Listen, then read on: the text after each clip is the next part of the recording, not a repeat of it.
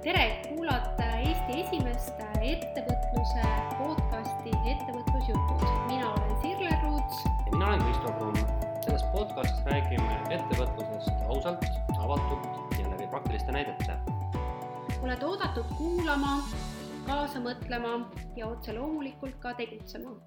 kohtume podcastis. tere, hea kuulaja, taas kord Ettevõtlusjutud eetris mina olen Kristo. ja mina olen Sirle. Äh, nüüd on jälle paar nädalat möödus ja muidugi kõigepealt äh, head äh, ja toredat ja naljakat esimest aprilli. et käes on naljakuu ja selle puhul siis mõtlesime Kristoga kuidagi seda tähistada ja teeme siis sellise aprillikuu või naljapäeva erisaate, kus kohas räägime ettevõtlusest läbi huumori ehk siis anekdootide aga ennem siis, et kuidas siis vahepeal on läinud, et meid on hakanud siin päris paljud inimesed jälgima ja kuulama äh, ja on ka saadetud kirju nii minule kui Kristole, oleme väga-väga tänulikud äh, ja on ka saadetud äh, toredaid ideid, kuidas siis seda sisu veelgi toredamaks teha ja huvitavamaks.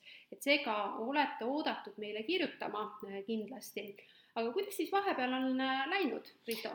Äh, kõigepealt mulle meenus, ähm, vanasti lastesaadetes oli see, kus lastel paluti joonistada äh, Nuuba, no mitte Nuubaga tii, vaid see, see hunt Kriimsilma sinna saatesse et sa oled praegu samamoodi natukene. aga ma mõtlesin ka, et mis ma huvitavat oskan välja tuua, aga ma hoopis teen väikse eelreklaami, et ma juba sulle mainisin enne saadet, et ma lähen loodetavasti siin kuu aja pärast Saksamaale ühte ülikooli õpetama ja äh, ma olen aastaid, kui ma olen käinud välismaal, mul on tekkinud selline, kuidas öeldakse, professionaalne kretinism, et ma vaatan asju läbi ettevõtja ja majandusinimese pilgu. ja, ja olen tegelikult avastanud palju selliseid tahkusid, mida turist tavaliselt tähele ei panegi. tema vaatab, et kõik on hästi ilus ja toredad majad ja, ja, ja maitsvad toidud, aga mina vaatan, kuidas majanduselu välja näeb ja loodan siis mm, juba nii-öelda eelreklaamina, et kui ma sealt tagasi tulen, et äkki ma saan siis midagi huvitavat rääkida, kuidas siis majanduselu ja ärielu Saksamaal välja näeb. ja kuna meil on seal rahvusvaheline nädal, kuhu tulevad kokku teised õppejõud teistest ülikoolidest ja me tavaliselt ikka alati satume nendega seal vestlema ja aega on piisavalt, siis ma arvan, et ma saan päris äkki niisugust huvitavat informatsiooni, et, et kuidas siis nagu mujal ka elu välja näeb, et siit meid vaadates tundub, et on nii või naapidi, aga mis tegelikult on? Oi, ma ootan seda podcasti osa juba suure põnevusega, et saame siis äh, äkki selle äh, pealt ka teha sellise võib-olla ka teema, kui sealt Just. koorub midagi. vaatame siis järgi mm. -hmm. minul endal on läinud ka päris tegusalt ja hakkan siin tegema nüüd oma magistritöö raames intervjuusid ja mõtlesingi, et jagan seda, et et sageli äriplaani koostamise käigus äh, siis ma soovitan klientidel teha kliendiküsitlust. ja siin on päris häid näiteid, kus on kliendiküsitluse raames siis äh, saadud reaalseid kontakte äh, ja mina siis teen nüüd intervjuusid ja ma kogesin täpselt sama, ma arvan, mida sageli alustavad ettevõtjad, kui ma neile ütlen, et tee siis see kliendiküsitlus, siis on alguses, et pika niisugune hambaga, et ma ei tea, ma ei viitsi, kas seda ikka peab tegema. Minul oli täpselt sama kogemus alguses, et kui mul juhendaja ütles, et ma pean seda tegema, aga nüüd on juba intervjuud kirjas ja kindlasti järgmine kord ma saan äh, siis oma kogemust äh, rääkida, sest ma teen sisuliselt läbi sellise uue toote äh, siis turule toomise protsessi. nii et väga-väga põnev. ma korra veel täpsustan, mina teen sama, mina nii-öelda sunnin sammu tegema, samu asju, et kas siis on mingi noh, ma olen alati öelnud, et, et meil on valida, eks ole, kas siis on näiteks ütleme, niisugune ankeetküsitlus või on siis intervjuud või on näiteks kas või vaatlus, eksperiment, et midagi peaks olema, et ühelt poolt no seal on kaks asja, me teame mõlemad, et et seda nõuab juba tegelikult Töötukassa või ka EAS nõuab seda ja teistpidi, see annab sulle nii palju juurde. ja siis ma olen vaadanud, et noh, et, et ega tegelikult inimesed on sellega hädas, oleme nõus, eks ole, sest vaata, kuidas näeb välja klassikaline kliendiküsitlus, noh, ma panen Facebooki üles ja vaatan, mis sealt tuleb, eks ole, kui sul on nagu sada sõpra jutumärkides, siis sealt ei tule väga palju. Ja ainuke variant on otsida üles siis õige sihtgrupp ehk noh, siis mingid Facebooki grupid ja ma mäletan, et äh, siin lähiaja, ajaloo jooksul minu ühe kliendi rekord on, ta sai tuhat viissada vastamist wow.. see on ikka päris vägev, on ju. Mhm. ja ta suutis veel nii hästi selle nagu küsimustiku üles ehitada, et ütles, et inimesed hakkasid diskuteerima tekkis, ta sai sealt äriideid, ühesõnaga ta suutis selle kuidagi nagu nii hästi tabada, seda nii sõnumit kui sihtgruppi, et äh, see küsimustik elas nagu oma elu. Et, et ta sai nagu väga kõvad asjad ja ta sai loomulikult toetuse ja tegi äri kah ära mul on praegu selline tunne, et me peaksime sellise äh, küsitluste ja intervjuude tegemise kohta võib-olla eraldi ühe podcast'i tegema. jah, ma arvan ka, et see, sest et seal on palju küsimusi, et kuidas seda teha ja mis need, noh, mina võin rääkida sellest poolest, kuidas see akadeemiliselt nagu vormina välja näeb ja ja sina võid rääkida sisu poole pealt, et, et ma arvan küll, et, et noh, mõlemad ülikoolis töötame, teame, et kuidas see, kuidas tudengid seda teevad ja, ja, ja eks me oleme mingis osas ise ka teinud seda, sina nüüd praegu mhm. teed minul jäid küll viimased võib-olla sinna kuskile kaugemasse minevikku, aga siiski jah mm. -hmm, väga põnev. Äh, aga tänase naljapäeva äh, puhul siis võib-olla alustaks sellega, et, äh, et, et esiteks, et kas ettevõtlust peaks nii tõsiselt võtma, kui me tavaliselt seda võtame, et mis sa arvad? no ma arvan seda, et, et, et igas asjas on väike huumor ja nali on juures, et mm,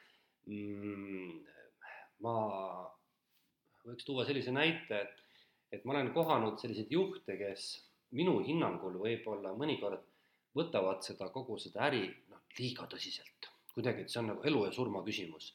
ja, ja siis noh, kuidagi kõik see, kõik see nagu, kõik, mis jääb nagu töölt väljapoole, noh, nali, vaba aeg, selline võib-olla veel mingi niisugune muu asi, et seda kuidagi nagu kas ei tolereerita või siis see käib kuidagi pika hambaga, et, et noh, täpselt samamoodi on olemas ju tegelikult ka inimesed, kes julgevad tunnistada oma ebaõnnestumisi äris ja ettevõtluses, võiks ju osata ikka jah, ma arvan ikka mõnusat nalja ka visata aeg-ajalt, sest et ega siis ettevõtlus on meie ümber ja, ja ja nii nagu iga asi toob meile mingisugust anekdootlikke situatsioone, toodab ka seda ju ettevõtlus.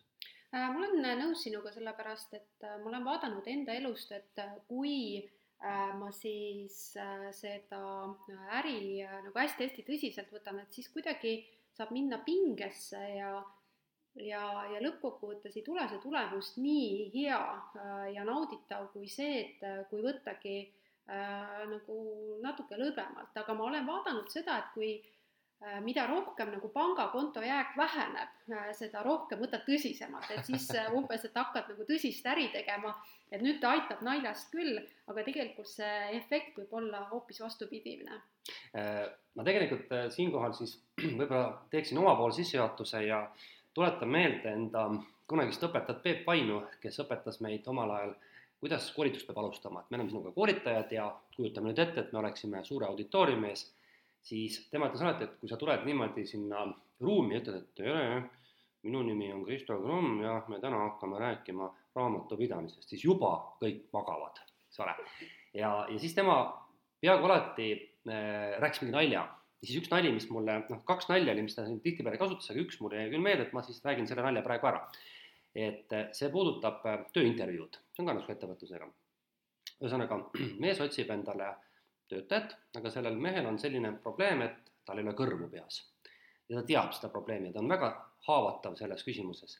ja tal on siis kolm kandidaati ja tuleb esimene kandidaat ja ta siis otsustab niimoodi, et kui keegi hakkab tema kõrvadele tähelepanu juhtima, siis see inimene tööd kindlasti saab nii, ja nagu ma ütlesin, ta on hästi tundlik selles osas, noh, kandidaat tuleb intervjuule, räägitakse ikka seda ära, nagu asi käib ja ja siis, kui on nagu viimane hetk, et siis äh, enam küsimusi ei ole, aga siis see intervjueeritav küsib, et mul on üks viimane küsimus, et kas te minu puhul midagi imelikku ka märkate või? no ja loomulikult, ega siis see intervjueeritav pole saanud äh, kogu selle intervjuu naeru suurt pidama ja paiskab välja, oi jumal, teil pole ju kõrvu peas, eks ole.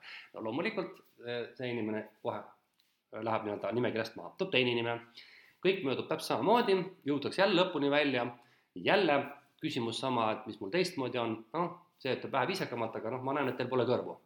Jah, ka see inimene kukub välja, tuleb kolmas inimene, kõik möödub nii, nagu möödub. Ja siis äh, jõuab kätte sama küsimuse koht, siis äh, see intervjueeritav vaatab tükk aega sellele intervjueeritavale otsa, ütleb, et teil on vist läätsed. No ja siis see, see intervjueerib, see intervjueerija kuidagi noh, niimoodi positiivne jah, tõesti jah, väga tore, aitäh ja nii edasi ja noh, oled tööle võetud ja ja, ja enne kui siis uksest välja hakkab minema see küsitletav, sellel mehel ei anna ikka kuidagi rahu, et kust ta teadis, et mul läätsed on, kas ta oskas nii hästi näha või? ja siis ta peab kinni, et mul on veel ikka viimane küsimus, kust te nagu aru saite, et mul läätsed on? ja vaatab otsa, et noh, ma nägin, et te olete lühinägelik, aga kuna teil kõrvu ei ole, te prille kanda ju ei saa et noh, näiteks sellise naljaga võid sa teinekord alustada mõnda koolitust ja olen kindel, et, et noh, positiivne meeleolu on juba loodud, eks ole. Ja kusjuures mul on see kogemus, et kui ma sotsiaalmeediasse mingit sisu näiteks toodan, et siis ma aeg-ajalt äh, isegi päris teadlikult panen mingi naljapildi äh, ja see saab alati väga suure tähelepanu. Äh,, ehk siis äh, võib-olla tõesti me võtamegi liiga tõsiselt ja, ja seega siis äh, peaks rohkem tooma seda kergust äh, ja nalja igapäevaellu ja meie siis tänase podcasti äh, missioon või siis eesmärk ongi see, et tuua sellesse ettevõtlusesse rohkem sellist kergust ja nalja.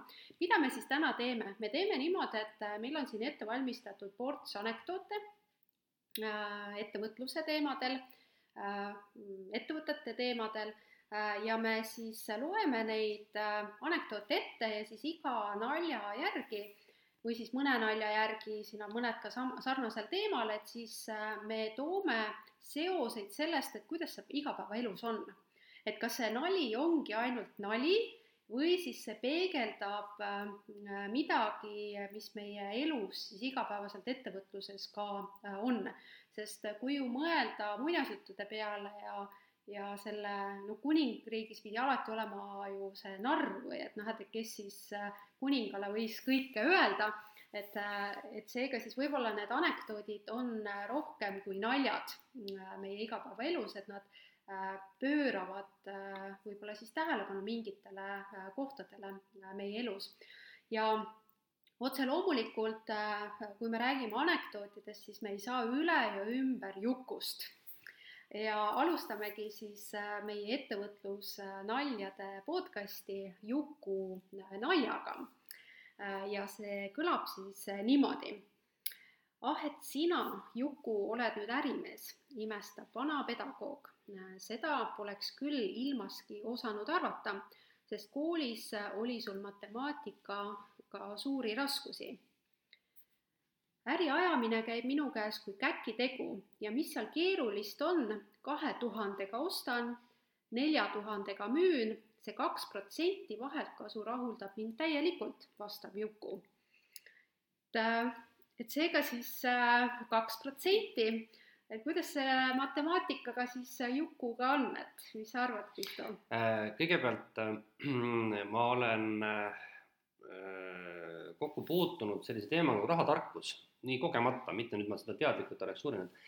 ja kunagi, noh, ma olen käinud ka mõningatel konverentsidel sellest rääkimas, just nimelt sellisest finantskirjaoskusest ja ma kunagi mäletan, et Euroopas tehti üks sihuke uuring, kus äh, inimesed juhuvalimi teel pidid vastama sellisele küsimusele, seda võivad nad kõik kuulajad ise arvutada.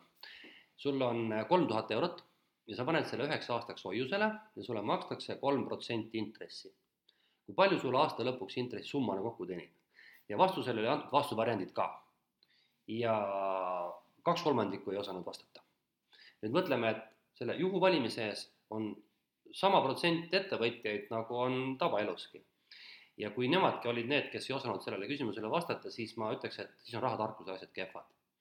ma olen, ma olen, ma olen näinud tegelikult päris kurbi juhtumeid, kus äh, kus niisugune noh, pealtnäha nagu elementaarne nagu tulu-kulu analüüs eh, kuidagi päriselus nagu kuidagi üldse välja ei kuku.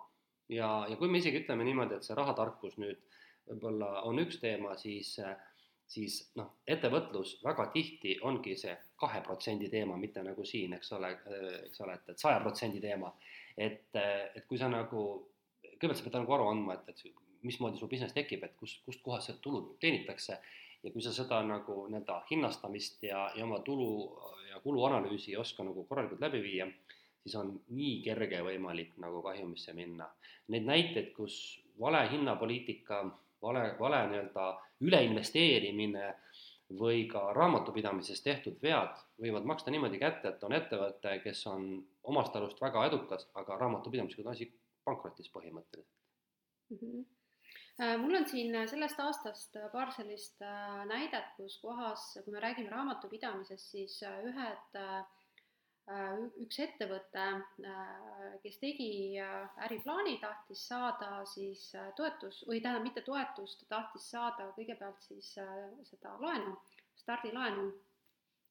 Ja nad ei saanud seetõttu stardilaenu, et äh, raamatupidaja tegelikkuses tegi äh, seda raamatupidamist Excelis ja bilanss elementaarselt ei klappinud äh, ja kasumiaruandes oli väga suured vead sees, ehk siis ka noh, on oluline vaadata, kellelt sa seda oma teenust sisse ostad, et kui see raamatupidaja ei vea välja, et siis võib sellega tekkida päris äh, suur äh, probleem.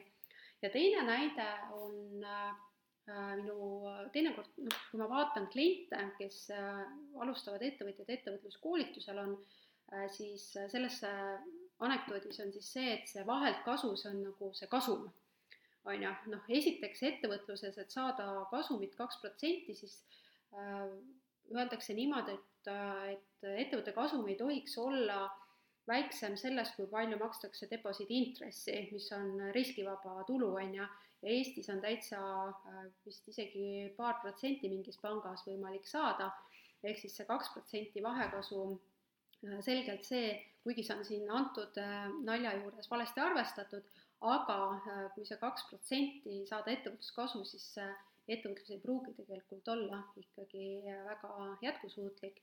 Ja mida ma näen oma klientide puhul, on see, et alustavad ettevõtjad riskianalüüsis siis teinekord ütlevad, et, et kui äri nagu ei lähe, eks ma siis loobun oma kasumist mm. -hmm. et tuleb siis kasumit vähendada, kui see isegi on võib-olla väga-väga väike. Äh, et, et seega see kasumi teema äh, on päris suur teema tegelikult ja see raha teema ka, sest teinekord, kui ettevõtjad tulevad siis mentorlusse või ettevõtluskoolitusele siis on esimene sõna, kui ma küsin, et miks sa tahad ettevõtjaks saada, siis on see, et ma jumala pärast ei taha rikkaks saada, et ma jumala pärast ei tee seda raha pärast, et mul on hoopis teine eesmärk, et, et kuidas, kuidas sul on? Eh, vanasti oli, enam ei ole mm., jah. aga ma arvaks, ütleks niimoodi, et nii nagu Kreisi raadios öeldi, et keeled suhu ja Euroopasse, ma ütleks siis niimoodi, et ettevõtjale, et nagu natukese nagu finantstarkust oleks vaja enne kui ettevõtjaks hakata, et, et see nagu ei jookse mööda külge maha ja mis ma näen ettevõtjad, kui sina ütled niimoodi, et, et paljud ei taha nagu rikkaks saada, siis mina ütlen oma koolituste ja oma klientina, et paljud ei taha sellega tegeleda, ma ei taha, mulle ei meeldi, ma ei oska, ma palkan raamatupidaja. aga raamatupidaja ülesanne ei ole tihtipeale teha sinule finantsplaani ja prognoosi, sellega peaks nagu ettevõtja ise hakkama saama ja see, kas sa tahad kaks või kakskümmend protsenti kasumit, see peaks ka sinu enda nagu eesmärk olema, mitte see, et raamatupidaja ütleb sulle, et kuule, teeks täna viis protsenti kasumit, et see on nagu noh, tegelikult on ikkagi teised asjad.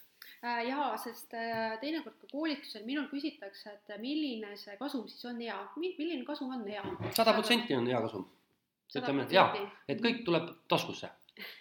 noh, paremat ma ei oska pakkuda, rohkem ei ole võimalik, eks ole äh, no noh, praktikas sada protsenti võib-olla see on noh, niisugune nii ja naa, et see käib niisugune huumoripäeva raamesse aga on ka muidugi neid, kus kohas on võimalik täiesti väga-väga suure võimendusega saada, aga mis on sellised keskmised kasumi marginaalid, kui me räägime äh, sellistest ettevõtte tegevusaladest, et anda siin lisaks huumorile no, kliendile ka sellist äh, jah, noh, jaekaubandus on niisugune kõige kehvemas seisus, seal on, me räägime kolm kuni viis protsenti äh, kui panganduses, finantssektoris või mingis niisuguses vähe vingemas tootmises on see võib-olla kolm, nelikümmend protsenti, siis ma arvan, et eks ta sinna kuskile no kümme, kakskümmend peaks ikka olema, kakskümmend viis protsenti. mikrol võiks vähem, rohkem olla.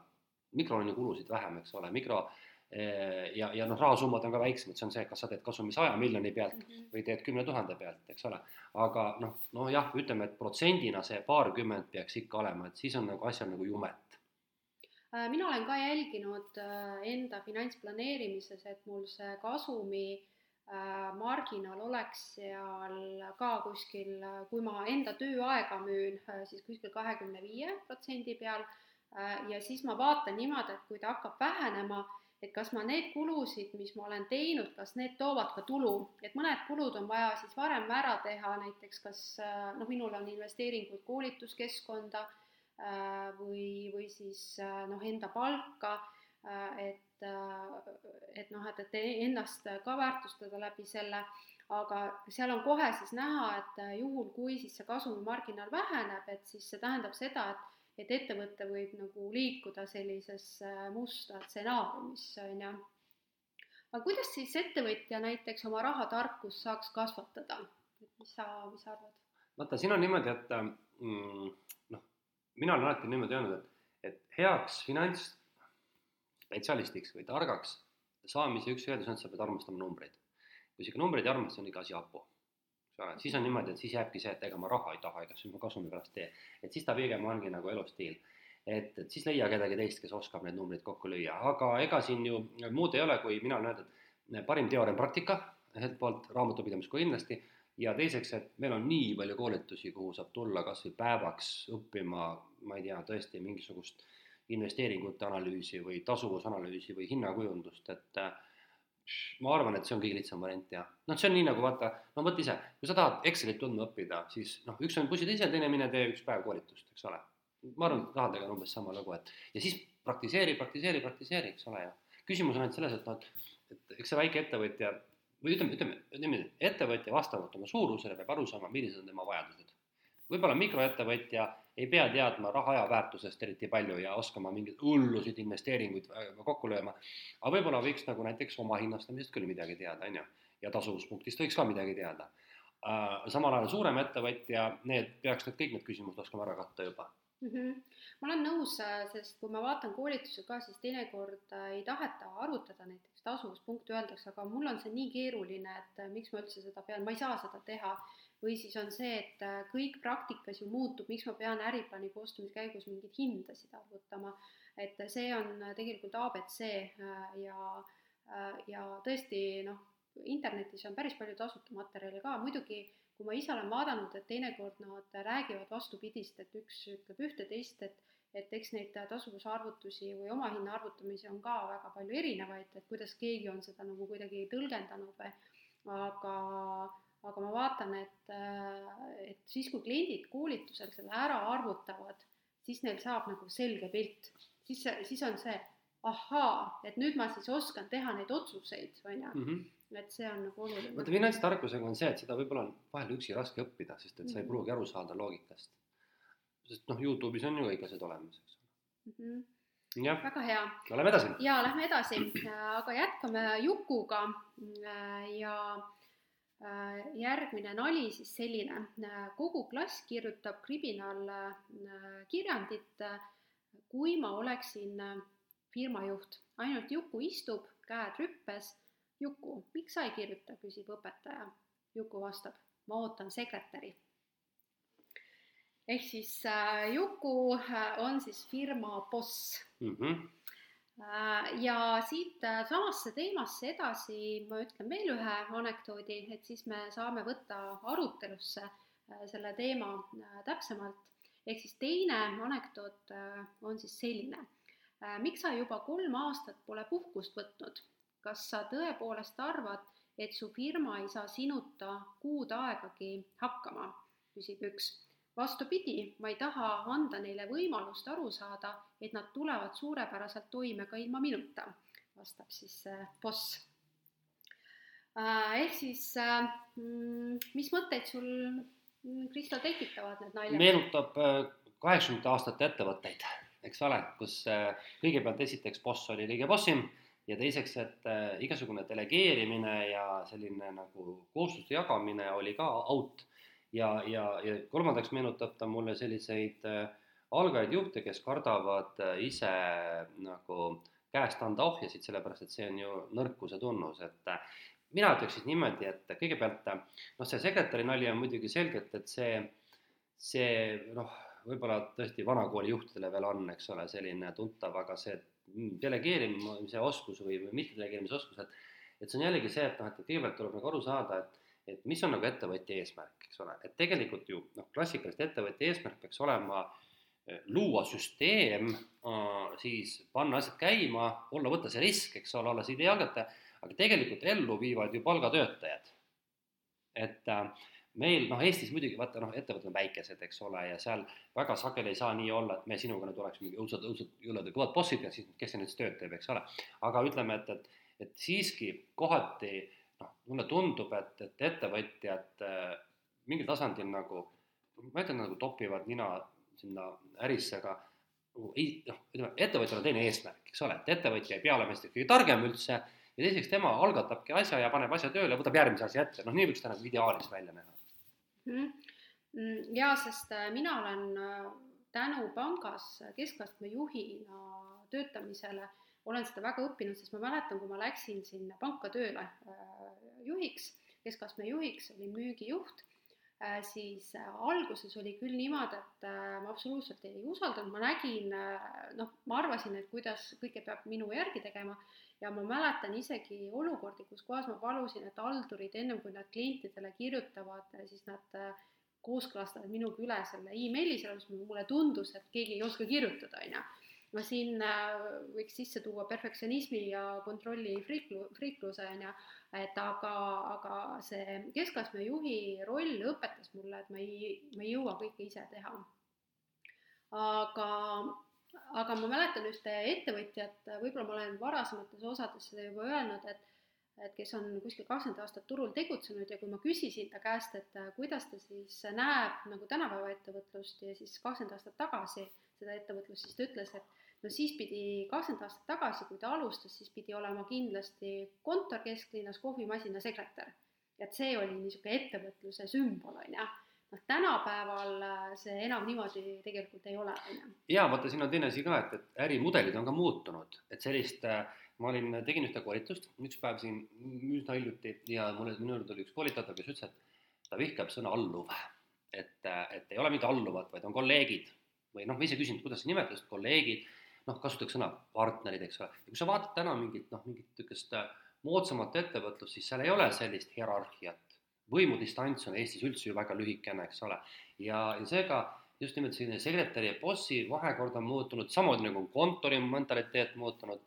Ja, ja noh, ütleme nii, et, et, et äh, ma, ma ei näe nagu väga suurt probleemi mm, uutel ettevõtjatel, küll aga võib-olla mõni vanakooli inimene võib-olla veel kujutab ette, kuidas äri käib, eks ole, kuigi sul on ka kontor peaaegu kesklinnas siin. Aga muuseas, mina olin vastupidi, mina näiteks kunagi kui mul hakkas tekkima mingisugune juhi niisugune väikene rollikene, siis mina vastupidi tahtsin kõiki asju delegeerida, ma arvasin, et mina ei tee midagi. Ja ma tegelikult eh, noh, natukese ei teeks praegu ise ka mitte midagi. Et mina, mina püüaks võimalikult palju delegeerida, sest et äh, ma saan, tajun täiesti, et juhina mul peaks olema just nagu teistsugused väljakutsed, kuigi veel kord, Eesti ettevõtted on väikesed, et sa ei saa olla selline noh, niisugune tüüp, et sekretär, et noh, ma ei kujuta ette Eestis näiteks, et kui palju on selliseid juhte, kelle sekretär peab kalendrit, noh, tead nagu filmides oled näinud, sa tead mõnda niisugust juhti või? ei, ma ei tea, aga ma tean äh, seda, et äh, nendes noh, nii-öelda uutes ärimudelites, kus kohas on virtuaalassistendi teenused, siis ma tean, et need, kes siis pühenduvad oma sellele põhitegevusele, et siis äh, tegelikult see virtuaalassistent haldab seda email box'i nagu email'e ja ka kalendrit, jah. Aga kas ta paneb sinna kirja ka, et äh, keemil-, pesu keemilise puhastuse ja armukesega kinno, et kas ta seda ka seda, seda tõenäoliselt mitte, noh, ma ei tea, jah, ma ei tea, on ju, aga, aga jah, et, et ma arvan ka, et see Eesti turg sellise, sellisele personaalassistendile või isiklikule assistendile on ikkagi väga väike mm. -hmm. et aga noh, ma tean, et mis ma olen lugenud, et näiteks Ameerikas on see täiesti tavaline, tavaline jah, jah, et, et sul on noh, assistent, kes on sul ikkagi kakskümmend neli seitse, äh, kes rohkem isegi organiseerib äh, su isiklikku elu kui tööelu, on ju. Mhm, täpselt nii. ja et ma arvangi, et Eestis sekretäri roll täna tegelikult, me ju nimeta isegi, vaata vist enam sekretär, me nimetame ikka nagu juhi abi mm, -hmm. vaata, eks ole, büroo assistent või mm -hmm. büroo juht isegi täna on mm -hmm.. büroo juht täna, ma olen ju töötanud firmades, kus büroo juht tegeles näiteks personali värbamisküsimustega. seda mm, -hmm. ta ei mhm. saanud olla mingi väga noh, väheste oskustega, ta pidi olema kõrgharidusega noh, ikkagi professionaal mm. -hmm. ja ma täna arvangi niimoodi, et see sõna sekretär hakkab mõnedes ettevõtetes sisult ikkagi nagu unarusse jääma. Mitte sellepärast, et see maine oleks halb, vaid mina näiteks juhina ka ei hakkaks võtma endale tööle inimest, kes lihtsalt istub kuskil valvelauas ja naeratab ainult. ma annaks talle palju rohkem ülesandeid või, või, või ütleme nii, et mitte palju rohkem, aga teistsuguseid ülesandeid, eks ole.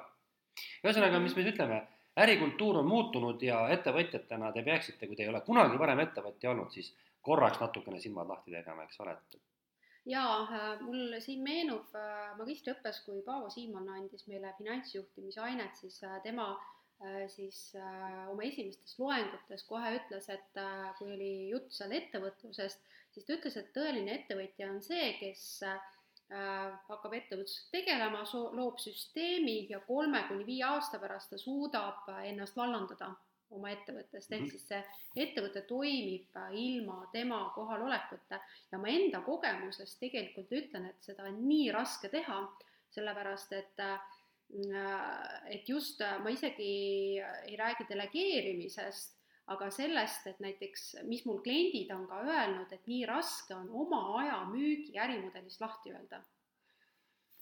nojah tead, ma arvan, et siin on paljuski ka ikkagi ettevõtte suuruse taga, et mul on ettevõte loodud, nagu ma ütlesin, tuhat üheksasada üheksakümmend viis ja ma siiamaani toimetan ikka, eks ole, et ei ole ma midagi ära delegeerinud, et noh, see on noh, teistsugune ärimudel, eks ole, oleme ausad.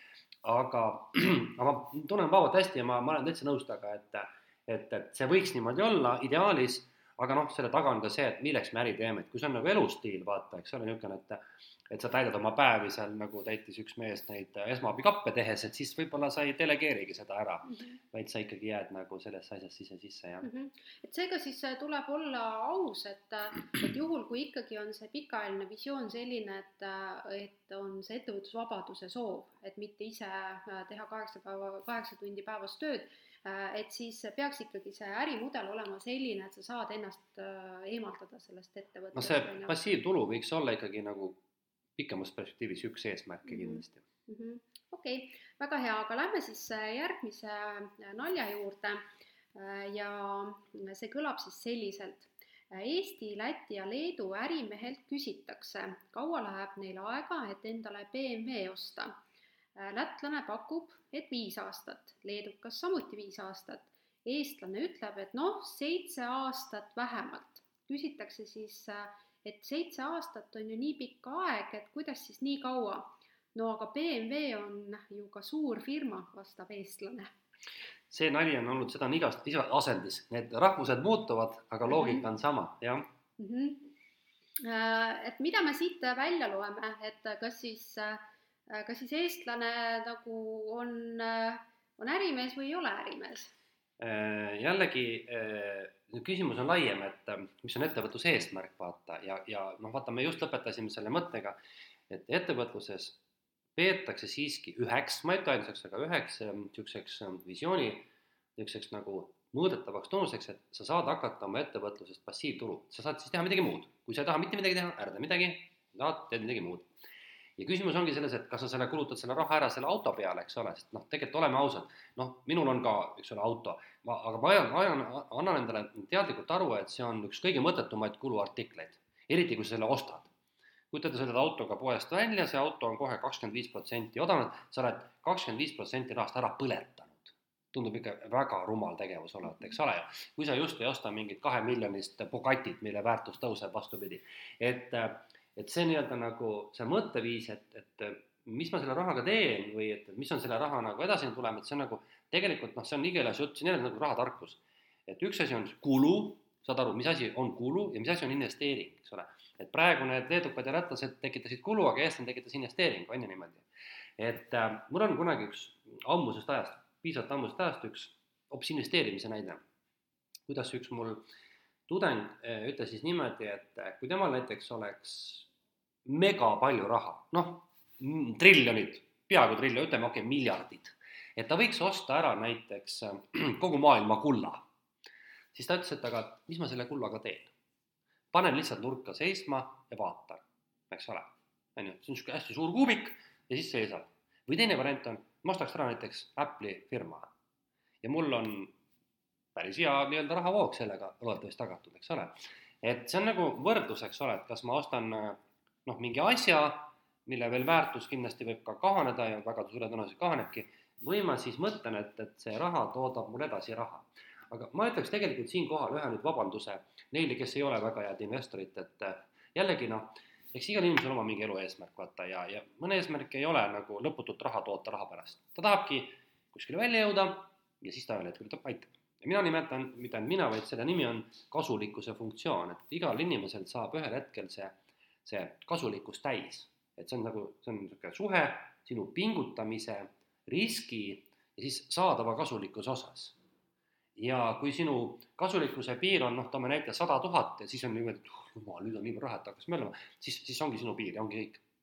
kui sinu piir on miljon, siis sa pingutad miljonini Äh, ja mul tuli siin tegelikult väga hea näide iseenda äh, elust, äh, mis saabus siis või see noh, näide realiseerus siis sellel, sellel aastal, kui ma kunagi siis üle kahekümne aasta tagasi Tallinna tulin, noh, ma olin suurest perest, meil ei olnud väga niisugune noh, hea finantsseis kodus ja ja noh, ma pidin ikkagi väga võitlema ja pingutama selle eest, et Tallinnas üldse noh, ära elada.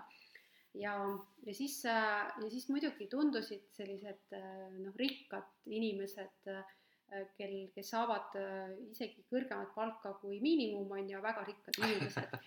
Ja siis, kui ma hakkasin ettevõtjaks, siis minu esimene nagu võib-olla eesmärk oligi noh, et, et ma saan endale seda palka noh, kuidagi luua.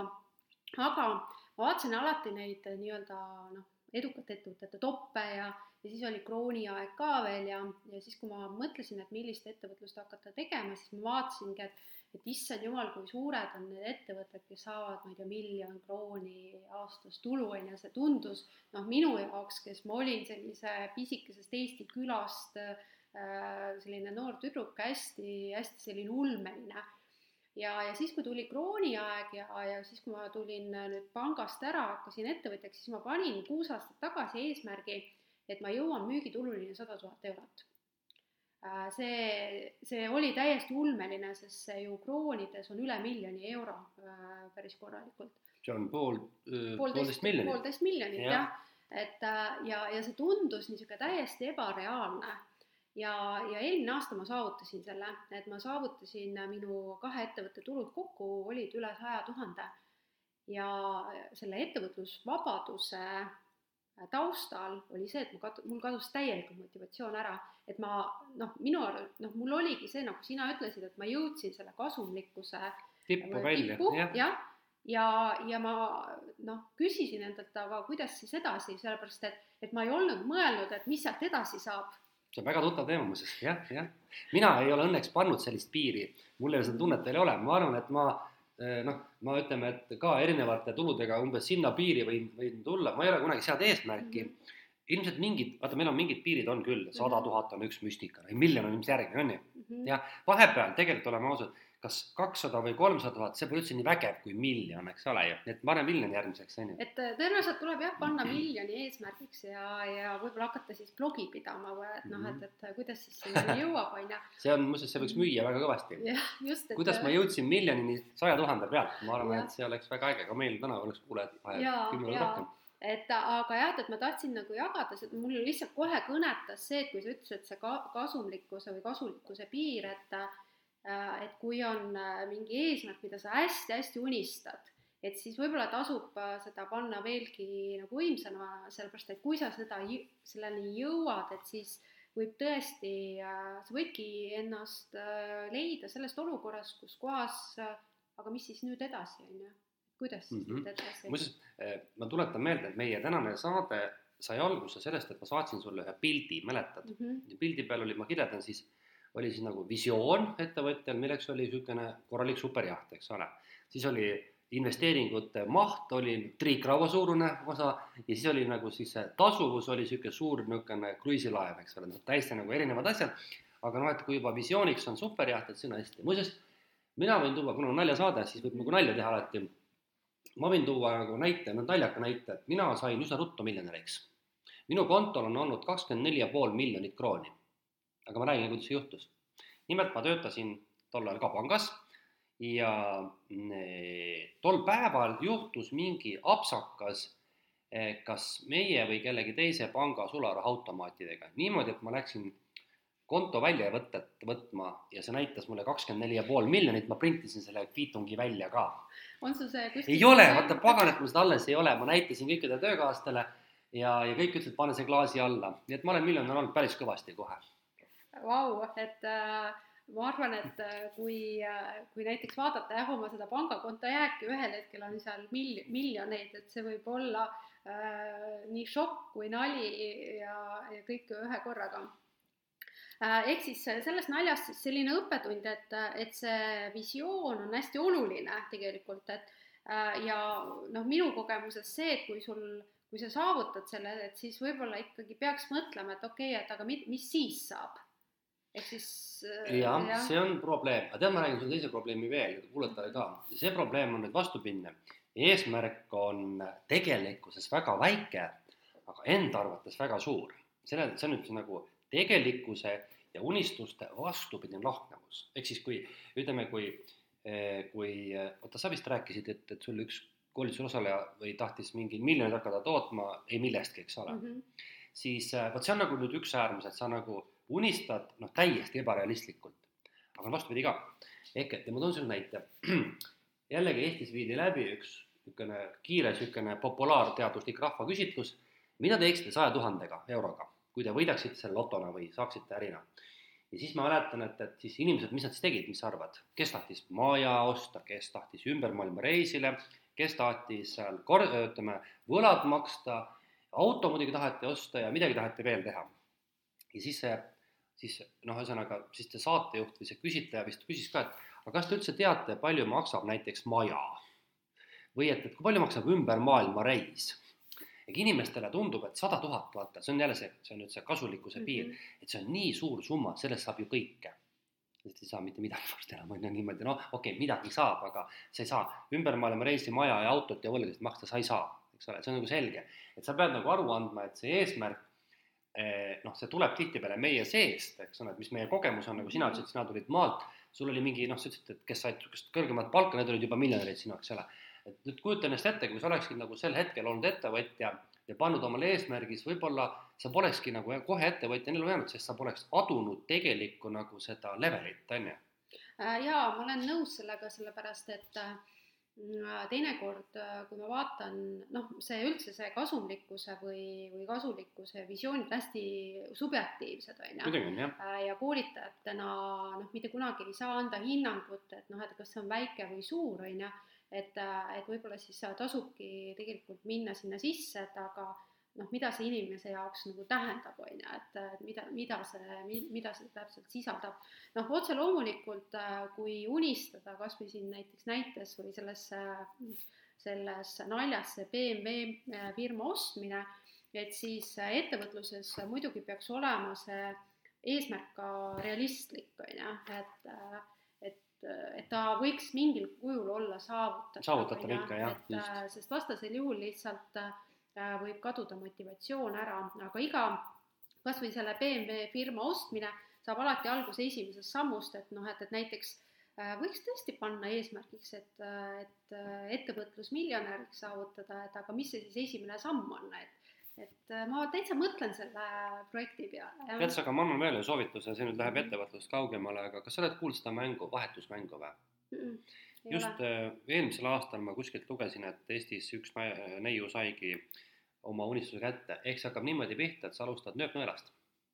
ja sa hakkad vahetama seda kogu aeg ühe kallimat asja vastu ja tema jah. jõudis majani välja, ta saigi maja mm. -hmm et kui sa muud moodi ei oska, proovida kas või niimoodi aga hea, ettevõtjad leiavad pigem lahendusi, mitte takistusi. just täpselt, lähme edasi. Lähme edasi, jah nüüd on päris mitu anekdooti, mis äh, seotud äh, palgatöötajatega ja meil on tegelikult päris palju siin ka neid inimesi, kes töötavad palgatööl, et ma loen siin ette, ette neli anekdooti ja seejärel siis me arutame täpsemalt neid.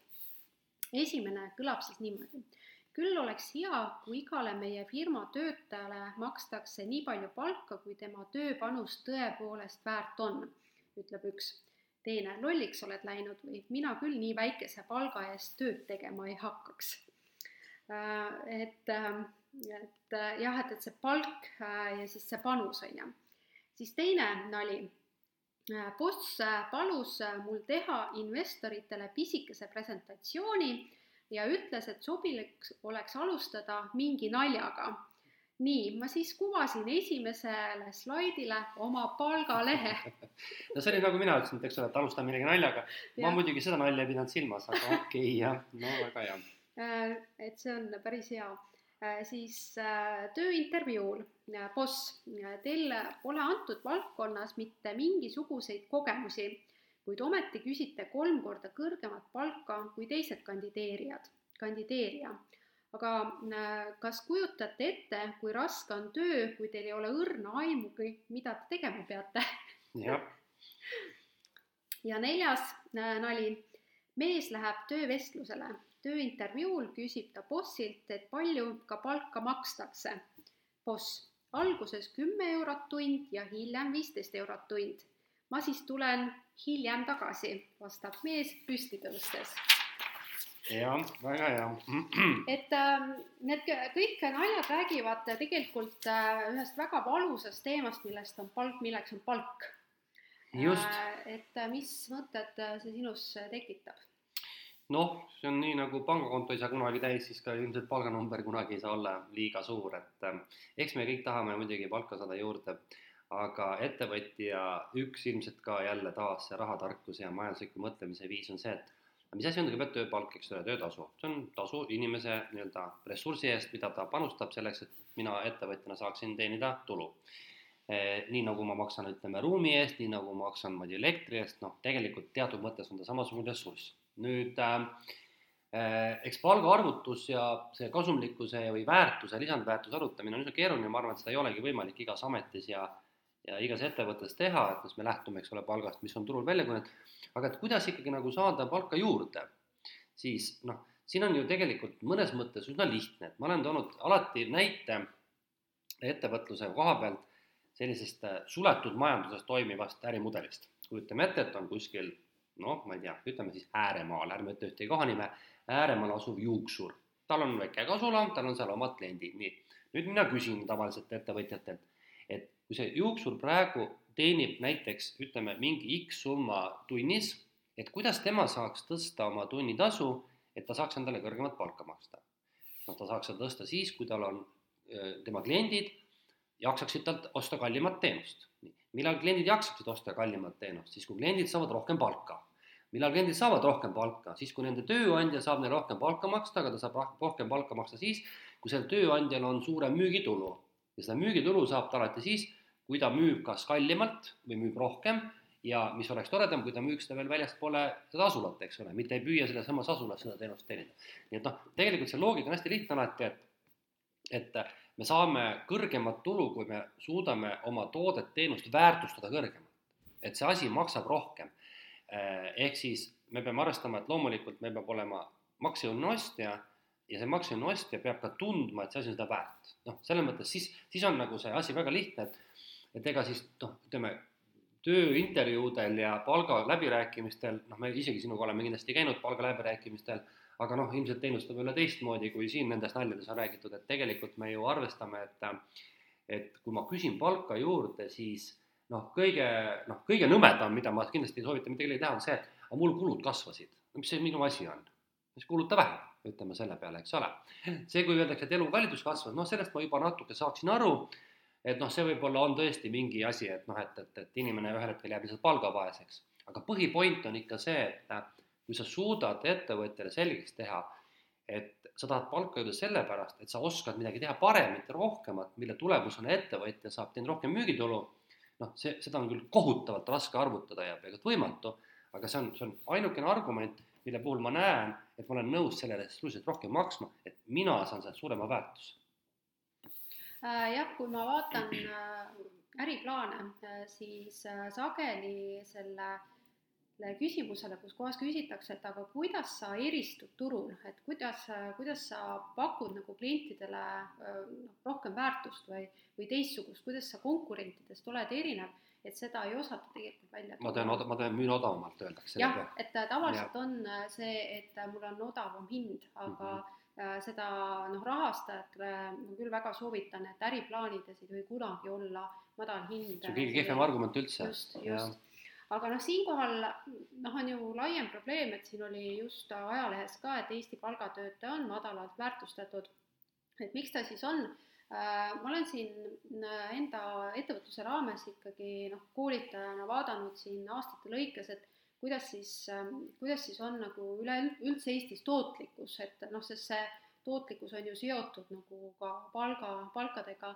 Ja Eesti tootlikkus ühe töötaja kohta on oluliselt madalam, kui on Euroopa Liidu keskmine, et minu arust viimased andmed olid Äh, niimoodi, et Eestis on kuskil kas kolmkümmend viis tuhat või midagi niimoodi töötaja kohta ja Euroopa Liidu keskmine on kas seitsekümmend seitsekümmend tuhat umbes, jaa, jah, ma tean ka, jah, on, on. et, et seega äh, noh, ongi see, et, et kui Eesti ettevõtete tootlikkus on madal, et siis noh, ei saagi palka rohkem maksta. ei, ei saagi, jah mm, -hmm. ma olen nõus ja ma alati selles mõttes kaitsen siin pigem natuke ettevõtjat esialgu, kui ma, kui ma hakkan kaitsma töö, töötajat, sest et töötaja arvab, et see palk tuleb raamatupidaja käest ja, ja ongi kõik, aga aga siin on nagu noh, tegelikult ma ei saa kaitsta ka nüüd nagu nüüd ettevõtjat, sest ju ikkagi see ärimudel on noh, noh nii kehvasti üles ehitatud, et pole mingit pointi, eks ole -hmm. et ähm, ma ei taha nüüd öelda, et me oleme sinuga siin mingid hullult nagu maailma kõige tootlikumad ettevõtjad, aga noh, ikkagi noh, see nagu mingil hetkel pead ikka mõtlema noh, et, et see, mis sa teed, see asi peab looma äh, sellist väärtust, millest võidab nagu, võidavad nagu kõik, mitte ainult sina ja mitte ainult klient, vaid mõlemad. et minul tunne, et, kohati ma näen neid ärisid, mis on nagu noh, kuidas ma ütlen, nad ongi nagu sellisele ostan-müün, kahetsen sellisele ärimudelile või siis on see tootmine, mis ei tooda nagu mitte muhvigi, et äh, ma vastupidi alati, ma toon paar positiivset näidet, vot kõrge tootlikkuse osas. ma olen kuidagi, mingil hetkel tuli minu juurde hästi palju küpsetajaid tüüpe siis kogu küpsetusäri muutus tuttavamaks, eks ole, siis ma olen avastanud, mul ei tule meelde praegu üks nimi, mis firma nimi on, on äh, Tallinnas, müüb äh, Spelta või vegan, vabandust isegi või ma ei tea, kus, ühesõnaga mingit sellist pagaritooteid. leib maksab kaheksa eurot ja müüvad, kujutad ette, eks ole, täitsa uskumatu. järelikult nad on leidnud sellise väärtuse, mida klient hindab ja on ka klient, kes on nõus maksma. Rakveres on üks pagarikoda nimega Päts kes müüb samuti väga kallist toodet ja inimesed ostavad. ehk et ei pea müüma seda kõige odavamat leiba ja pirukat, vaid vastupidi, sa väärtustadki ja väärindad oma toodet niimoodi ja sa leiad selle õige kliendi, kelle jaoks see tundubki kasulik ja vajalik olevat. see ongi ju tegelikult äri no siin me jõuamegi selleni, mis sageli on äh, ettevõtete puhul, äh, millest see probleem tegelikult alguse saab, noh, kui me räägime täna ikkagi ettevõtlusest, et äh, äriplaanides on see, et minu, et kes on su klient, minu klientideks kõik inimesed. just, just, jah. Äh, ja, ja kui sa müüd kõigile, siis sa ei müü mitte kellelegi, on tegelikult ettevõtluses selline lause, et oluline on tegelikult leida see oma kliendi nišš, äh, et see, kellel on probleem kõige suurem ja kes on rohkem siis valmis maksma tegelikult selle oma probleemi lahendamise eest. no vaata, võtame näiteks kas või koolitusäri, et mm, ma ei tea, kas sa oled proovinud näiteks äh, aeg-ajalt müüa oma koolitusi kõvasti kõrgema hinnaga? on õnnestunud? Äh, on õnnestunud. mulle eriti ei ole, ma pean ausalt tunnistama, et mingist piirist jookseb niisugune murdepunkt? Äh, mul on olnud see, et need on õnnestunud siis, kui on e olnud hästi tugev usalduskrediit ennem ees, ehk siis see noh, persooni bränd või, või see on tegelikult seal äh, selle töö ära teinud, et see usaldus on äh, nad ei ole ostnud lihtsalt koolitust, aga nad on ostnud mind. Okay.. et äh, mm -hmm. ainult nendel juhtudel. aga ma just tahtsin, miks ma seda küsimust küsin, on see, et, et äh, me peame tooma ikkagi võrdluseks, noh, kunagise Eesti ägedama koolitaja Peep Ainu oma firmaga, kes müüs ulmelist hindadega mm, -hmm. täiesti ulmelist hindadega ja müüs. ja selle taga oli samuti persooni bränd, sest ma mäletan, et ma olin Vaini partnerite koolitaja. inimene tuli minu koolitusele, maksis kolm, kolmkümmend kuni viiskümmend protsenti rohkem ja sai diplomi, millele olin mina alla kirjutanud aga see nimi, et see oli Vain ja partneritest, see nagu mhm. müüs mm. -hmm. et see on näide, et, et jah, on võimalik, küll tõesti mitte nii lihtne, aga on võimalik, aga, aga väga raske jah, et sellepärast ma tahan öelda, et, et tegelikult noh, siin tuleb ka nagu ettevõtjal aru anda, et see ei ole päris nii, et ma panen mis iganes hinna, eks ole. vot, vot mul tuli üks asi meelde.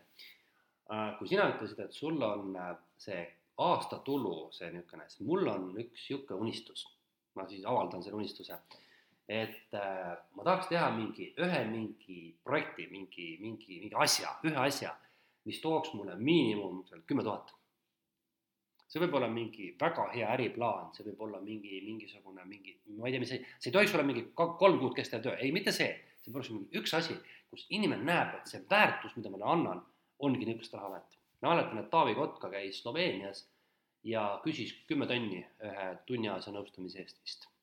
vot midagi niisugust unistan mina ka no väga hea, ma usun, et, et kui sinna unistusele tuleb juurde tegevus, nagu me oma klientidele õpetame, et siis on see täiesti võimalik, on ju. Mhm.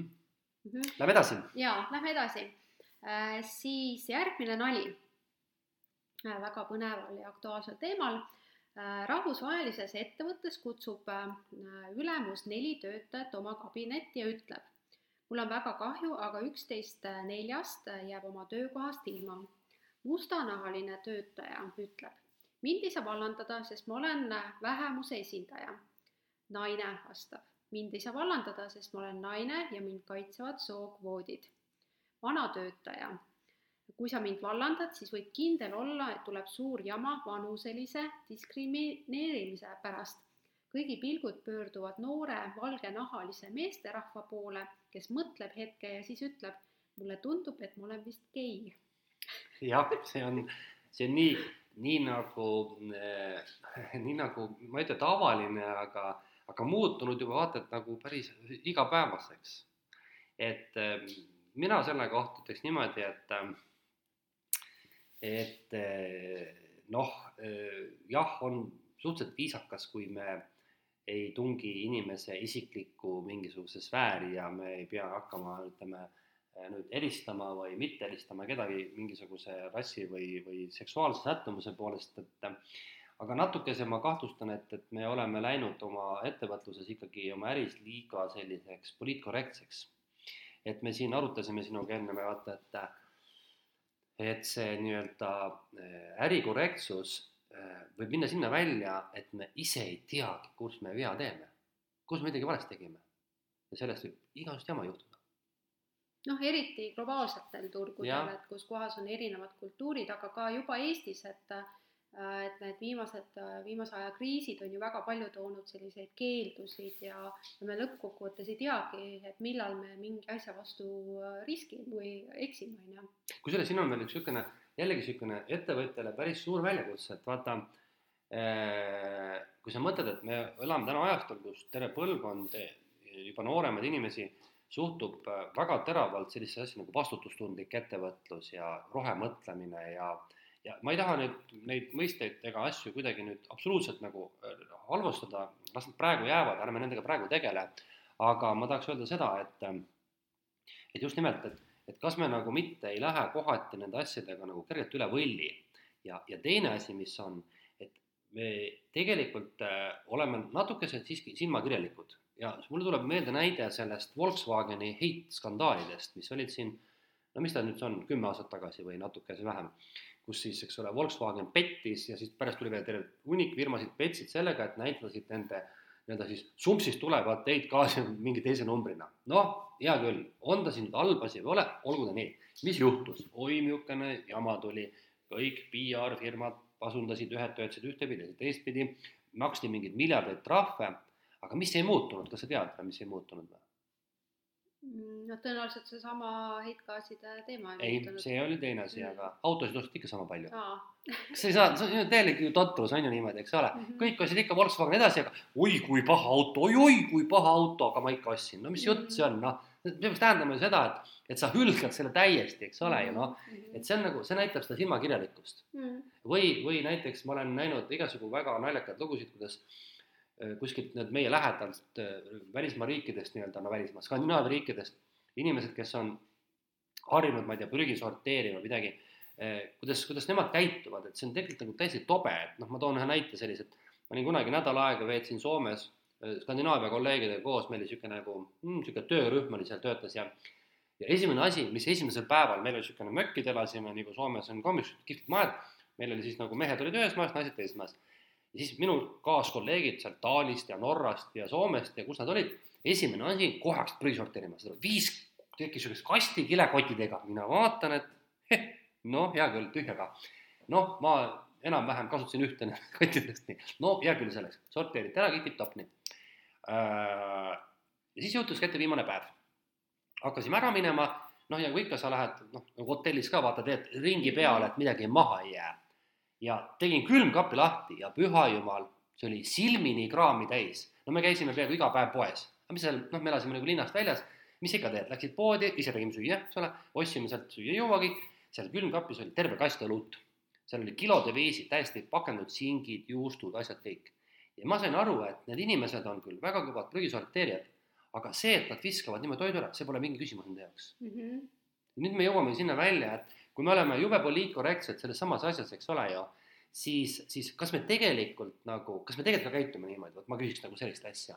et heakene küll, me ei valanda seal mustanahalisi, me, me, me kuidagi ei valanda neid vanemaid inimesi, aga kui see hakkab nagu meie äri, noh, nii-öelda mitte kultuuri isegi, vaid äritulemust mõjutama, me peame täna hoidma inimest palgal sellepärast, et see pole kombekas nagu teda vallandada või koondada, siis kaotab ju nagu äri ja ettevõtlusmõtte, et siis me hakkame tegelema mingi heategevusega lõpuks vist äkki. jah, sest äh, siin äh, on ju päris äh, korralikke diskussioone olnud ju viimasel ajal see, et kas meil on ettevõtlusvabadus või ei ole, et see on ju koroonaga seoses, kus kohas ettevõtted ju noh, sulgeti või siis, või siis näiteks siin noh, on need sookvoodid on ju äh, erinevad, et et noh, et kus kohas noh, tekibki see, et, et kui palju ma ettevõtjana tegelikult saan ikkagi ise otsustada, on ju, ja, ja see võib noh, tõesti minna kogu aeg veelgi hullemaks, et ja eelkõige, kui näiteks turundada,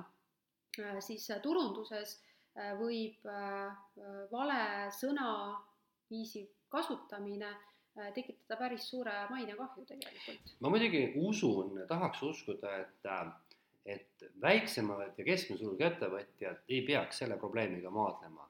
kui sa mõtled, noh, nüüd, eks ole, kui sul ütleb nüüd kolm, neli, viis inimest, no mis sookvoote seal mm -hmm. sealt, noh, oleme ausad, eks ole ju mm -hmm., või teistpidi, et et äh, sa ei võta sinna ilmselt tööle mingi noh, jumala suvalisi inimesi, sul ei ole seal karjade viisi homosid või mustanahalisi, et sul peaks see probleem üldse tekkima. Mhm. ja samamoodi ma arvan, et ka see turunduse teema, et noh tegelikult, kui niisugune väiksem või keskmine ettevõte teeb mingi niisuguse apsu, see ei ole nii mõjutatud, ma vähemalt tahaks uskuda, et, et see vabadus siiski teatud tasemel säilib, et ma mingis osas saan aru küll, et vaata, kui sa oled nagu väga suur ettevõte, sul töötab tuhande inimesi, sa vastutad sotsiaalselt juba mingi, eriti kui on piirkondlik vaata ettevõte.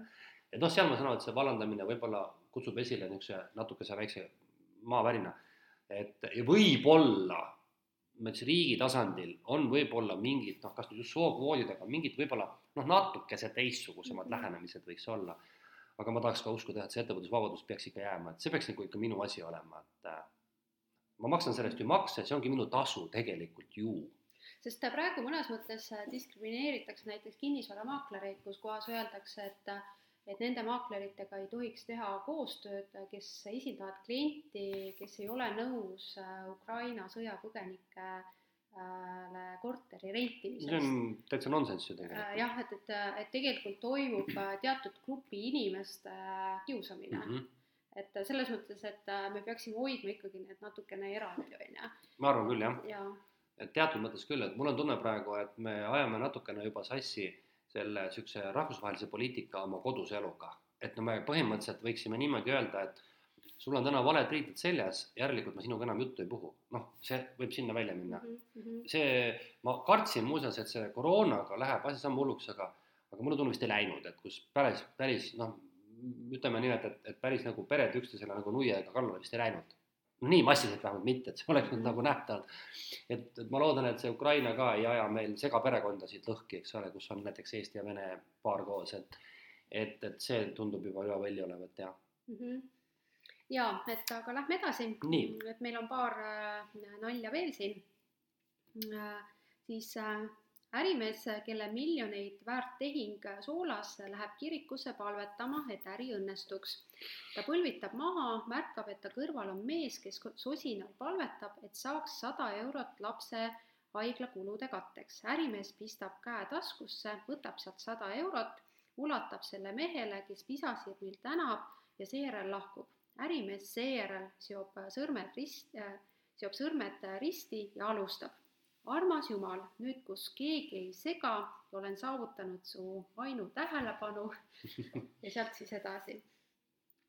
ehk siis äh, niisugune egoistlik käitumine või mis sa arvad? no vaata, natukene jälle sihuke varasema aja ettevõtlus on ju. jälle me jõuame sinna välja, et äh, kuna me liigume sellise mm, skandinaavialiku sellise natukese nagu võrdsema ühiskonna poole, siis kakskümmend aastat tagasi oli see okei okay, ilmselt, eks ole, võib-olla kakskümmend viis aastat tagasi, nüüd enam mitte, et et me ikkagi peame arvestama, et, et vähemalt meie kultuuriruumis ettevõtjad, me tahame, me tahame, et nad oleksid tegelikult inimesed meie seast ja, ja sellist e, nagu eesõigust või, või sellist teatud mõttes nagu ka nagu ülbust ja, ja raha eest ostmist, ega me tegelikult ei tolereeri ära.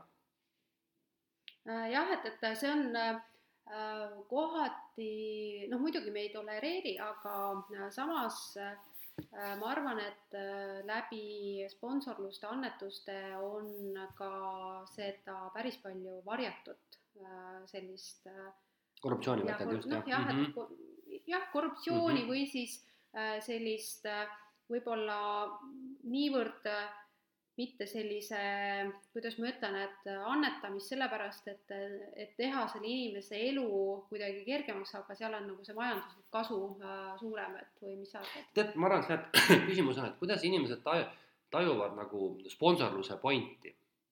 et äh, ma mäletan, et äh, kümme aastat tagasi kui ma alustasin neid ettevõtluskoolitusi, siis ma olin ka päris seda meelt, et äh, tunnistan hästi ausalt, et kui me, kui mina olen sponsor ja kedagi sponsoreerin, siis ma tahaks, et, et kõik teada saavad sellest, sest noh, vot nalja teeb, ega ma siin tasuta ei anna seda raha, eks ole.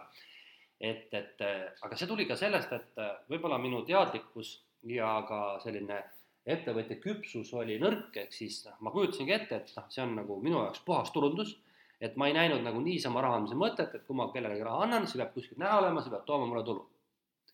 aga olles äh, nüüd aastaid hiljem esiteks puutunud kokku paljude selliste heategevuslike asjadega, olles ise täna ühe heategevusliku organisatsiooni MTÜ liige ja, ja teinud noh, suuremal või vähemal määral igasuguseid erinevaid sorti selliseid heategevuslikke projekte, noh, ei ole ma oma nime kuskil kunagi eksponeerinud ja isegi täna nagu noh, kohati tundub, et nagu ei olegi vajalik, eks ole, enam.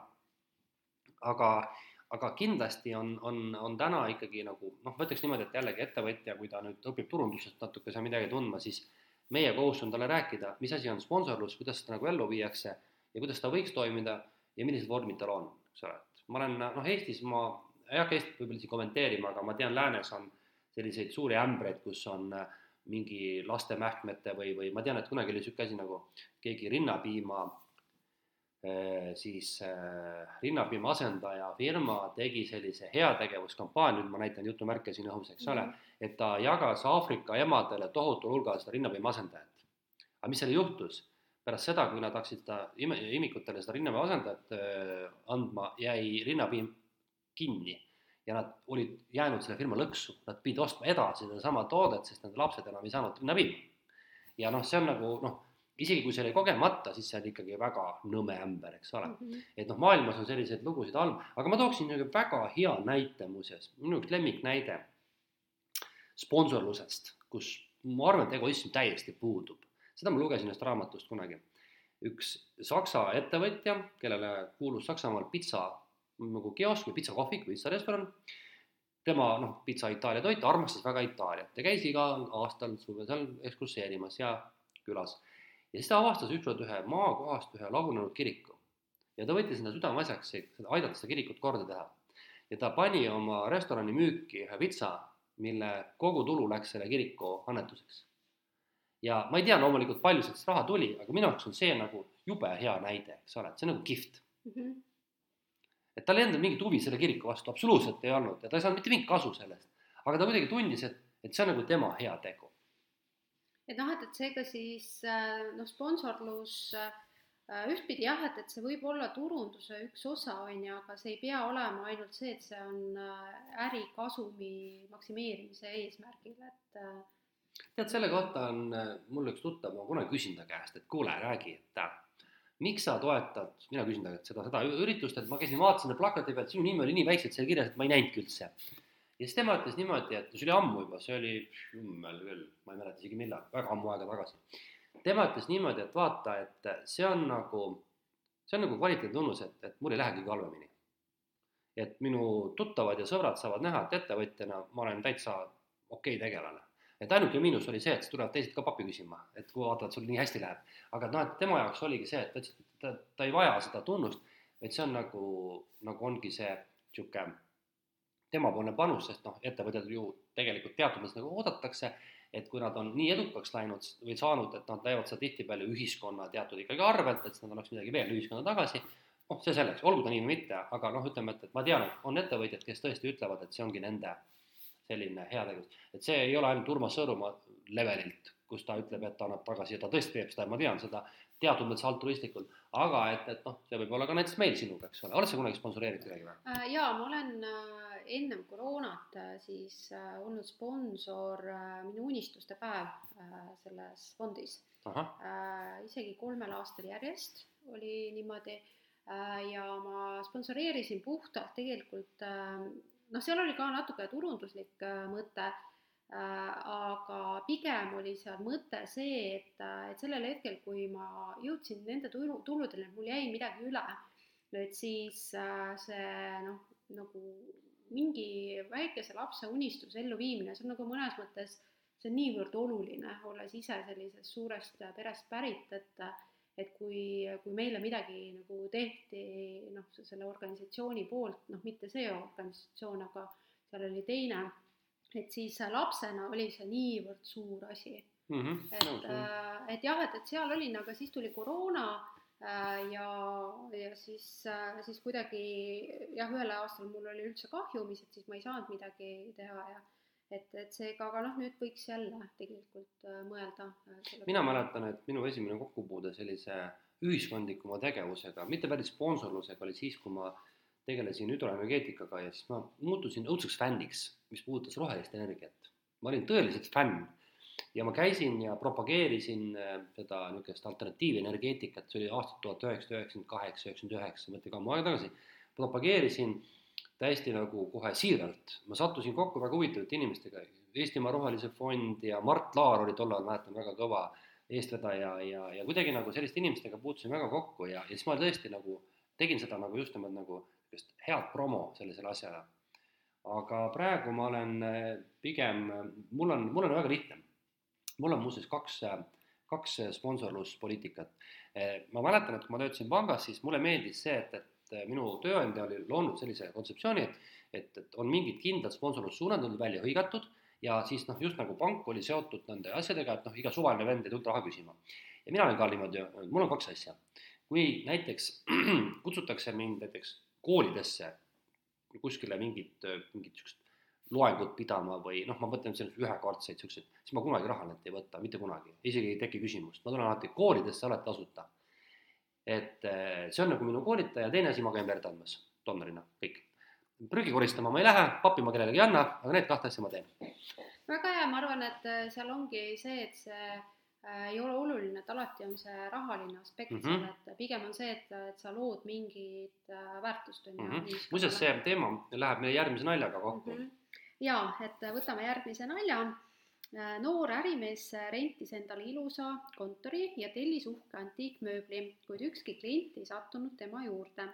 istus seal üksinda, norutas, kui äkki avanes uks ja üks meesterahvas sisenes ärimees tahtis jätta uhke mulje, nii et haaras telefonitoru ja hakkas valjult rääkima miljoni tehingutest ja ulmelistest käivetest. seejärel asetas toru hargile ja küsis sisenenud mehelt, kuidas saan kasulik olla. mees vastas, tulin teile telefoniliini paigaldama jah, see on niisugune mul endal üks hea nali, ma, mis ma eile juhtus, aga ma ei sellest hakka praegu rääkima. aga sul oli selle kohta väga hea nagu lähenemisviis, miks sa selle nalja sisse tõid, räägi meile.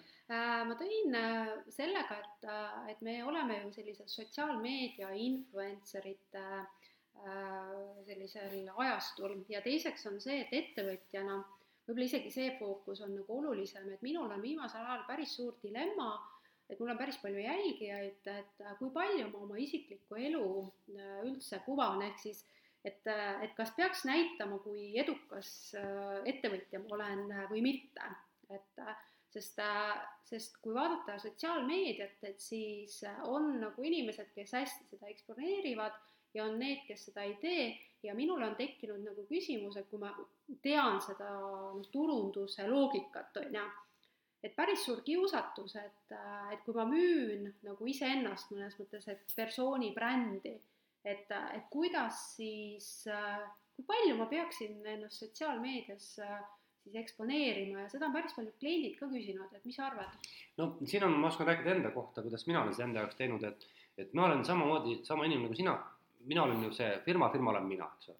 mina ka ennast äh, koolit-, enda koolitust reklaamides või turundus, tegelikult turundan iseennast või see toimub läbi minu, see tähendab, et äh, ma pean looma endast kuvandi. ja ma hakkasin sellega tegelema mingisugune, no nüüd juba vist viis aastat tagasi. Esialgu oli see natuke juhuslik ja siis ma võtsin endale selle teadliku seisukoha, et ma loon endast sellise kuvandi, et kui keegi inimene peaks mulle eh, kirjeldama, kes ma olen, läbi selle, mis ta minust on näinud ja kuulnud, siis ta peaks saama sada protsenti samasuguse kuvandi, nagu ma tahaks, et ta minust teab. ja see õnnestus mul. Eh, pärast kahte aastat sellist teadlikku turundust ma sain kokku oma sõpradega ja kes polnud mind ammu näinud, mina muidugi mitte. ja siis me vestlesime, aga mitte sellest, mis sa teinud oled, vaid nemad ise peegeldasid mulle tagasi. Eh, ja nad andsid mulle täpselt sama nagu kuvandi, mis ma tahtsin, et mismoodi ma teen, et, et ma võtan nagu sellise, mul on niisugune lihtne viieastmene mudel, et võib-olla me persoonibrändist räägime kunagi pikemalt, aga hästi kiiresti, et et ma võtan, kasutan sellist tavalist nagu bränditurundust, et brändil on kõigepealt nimi ja nagu kaubamärk, see oled sina ise, see on see, kes sa oled, milline sa välja näed, mis su nimi on, mis su füüsiline välimus on, teiseks on see, et, et mis on noh, brändi puhul, et mis on toode, mis on sinu oskused, kolmandaks, et huvitab alati brändi loojat ka see elustiil, vaata bränd on midagi elustiil, eks ole, kõik, mis käib selle asja ümber. see on see, et mis on sinu elustiil siis on edasi järgmine, et mis on sinu maailmanägemus, mõtted, põhimõtted, printsiibid ja noh, neljandaks, et kuidas seda välja ütelda, mismoodi. ja sellest viiest nagu astmest olen mina siis lo-, loonud sellise süsteemi, et ma mõtisklen niimoodi, et millisena ma tahan, et sina mind teaksid. ja mitte ainult kui koolitajat, vaid kui inimest.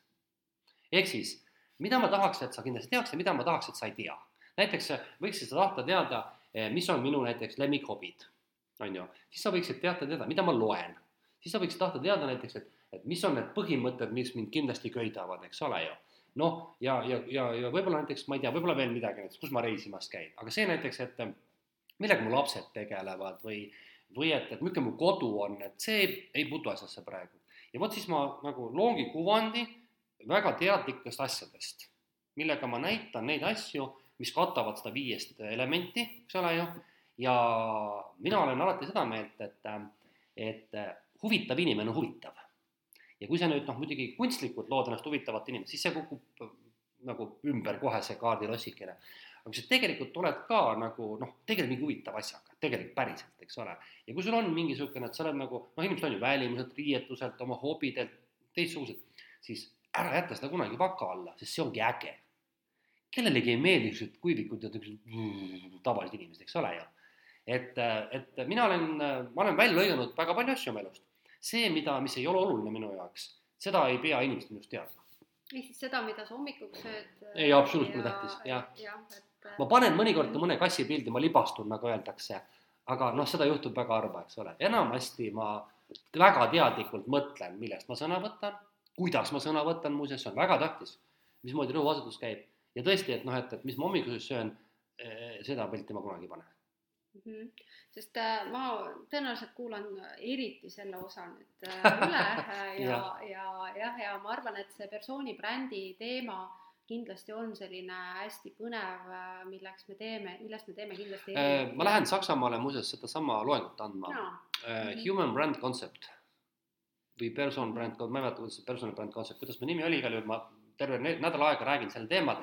Ja kui ma, ma lasen neil teha ka praktilisi töid, et, et see on üks asi, millest võib-olla mul tekib päris huvitav materjal, me võime seda kunagi rääkida. jaa, et see on küll väga hea mõte, ehk siis äh, ehk siis jah, et, et kui mõelda sellest, et see oli küll, nali oli natuke nagu üle vindi, et näidata nagu sellist äh, sellist elustiili, mida see tegelikult ei ole, on ju, et siin, siin ongi siis see, et et äh, kui mõelda, et äh, milline see sotsiaalmeedia kuvand on, et siis äh, hoolega valida tegelikult. ja tegelikult mina ütleks niimoodi, et, et ole ikka see, kes sa oled ka mhm, päriselt mm, -hmm. eks ole, et mitte see, et, et noh, et, et sa paned pildi, et ma käin ratsutamas ja sa tegelikult oled ühe korra oma elus seal hobuseles istunud, siis no see on nagu eriti nõme, eks ole, et tegelikult oleme ausad.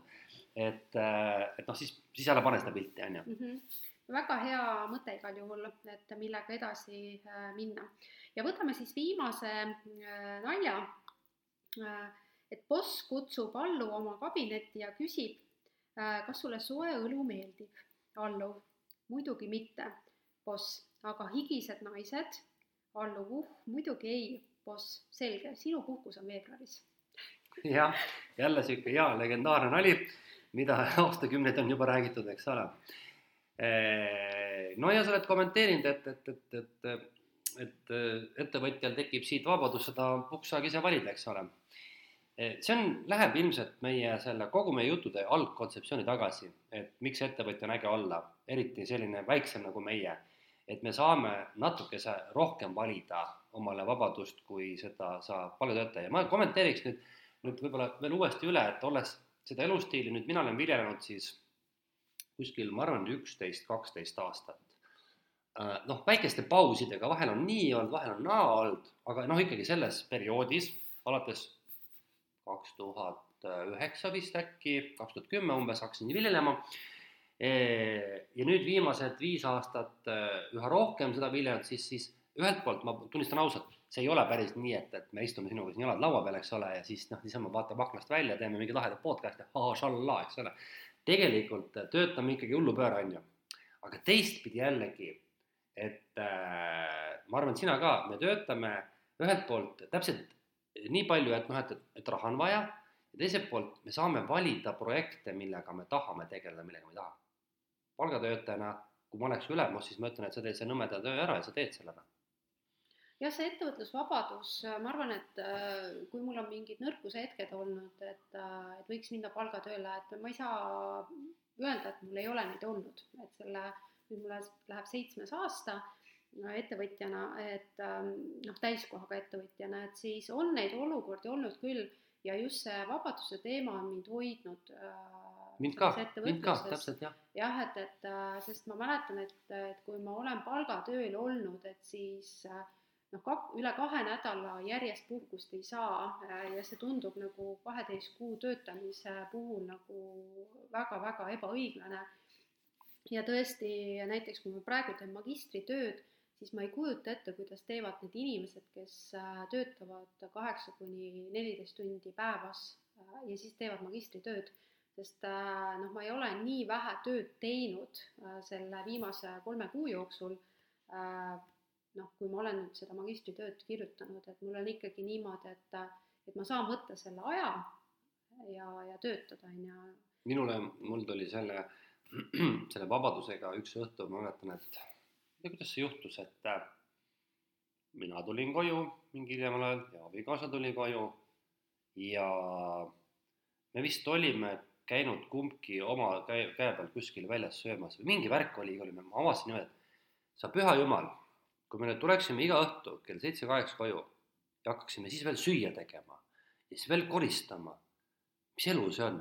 Noh, ma ei taha nüüd kuidagi halvustada palgatöötajaid, aga ma just vastupidi tahan öelda, et ma harjun sellega nii ära, et ma ei kujuta ette, et, et ongi niisugune elu ja ma olen elanud niisugust elu, sinagi oled elanud niisugust elu, on ju? jah, ma olen elanud ja kohutav tundub olevat, on ju, jah et praegu on nii, et, et noh, kui vaja, ma käin päeval poes või, või ma saan süüa väljas või noh, see on kõik see kuidagi nagu palju paindlikum jah mm -hmm., jah. ma seda ikkagi väärtustaksin tohutult palju jah, et, et olgu ta siis puhkus veebruaris, eks ole, aga, aga ongi ja võib-olla on mõnikord jaanuaris ka.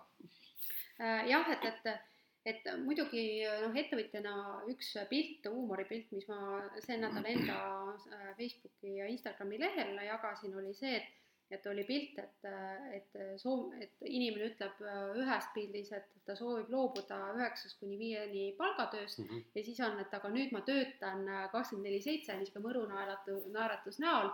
ehk siis äh, äh, kui ma mõtlen järgi, et kas mul on olnud sellist kakskümmend neli seitse töötamist ettevõtjana, siis Äh, on olnud siis, kui ma töötasin välja seda e-koolitust, et ma pidin seda lindistama ja siis oli küll niimoodi, et ma mäletan, et ma olin oma kontoris siin olnud umbes äh, kas neliteist tundi.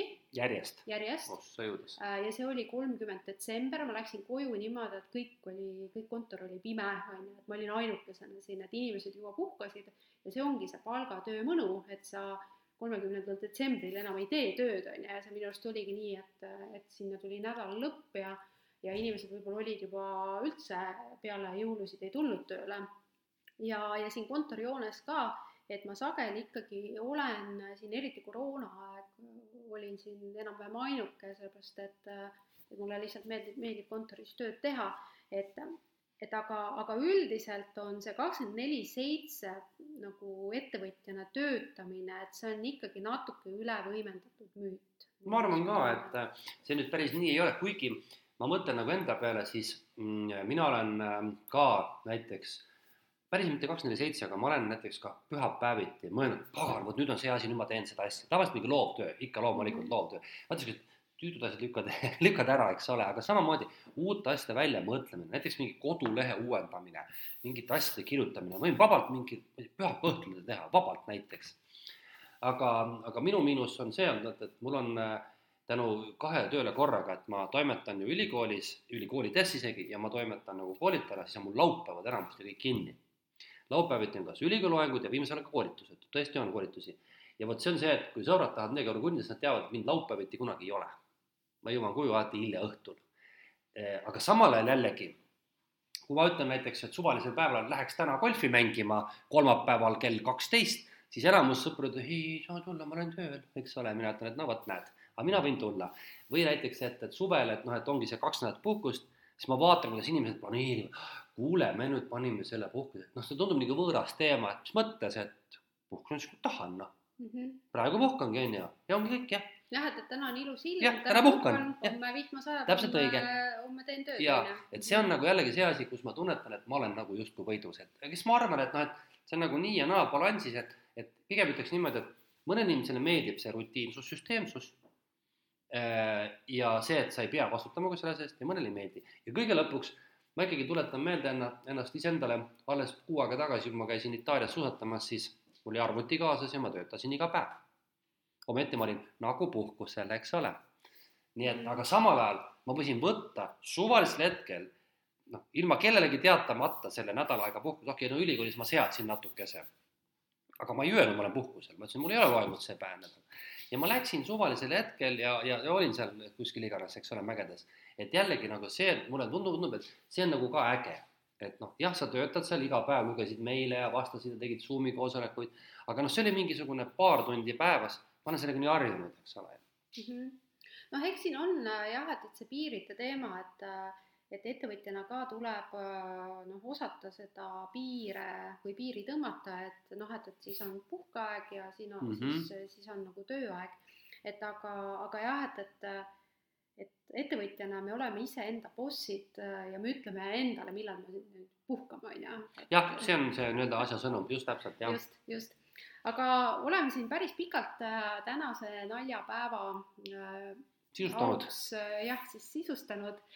ma loodan või me loodame, et, et nendest naljadest said, said enda jaoks midagi, et kes sa meid kuulad, said äkki natukene naerda ja samas ka sinna juurde natuke mõt-, mõelda selliseid ettevõtluse teemasid ja noh, minule tundub küll, et need naljad ikkagi peegeldavad seda igapäevaelu. ma eks nad ikka peavad jah mm, -hmm. just. jaa, et aga siis äh, suur aitäh, et äh, taaskord äh, meid äh, kuulasid äh,, me oleme väga-väga tänulikud äh, ja kohtumiseni juba järgmisel korral uute teemadega mm. -hmm, just ja kõike head minu pooltki. ja nägemist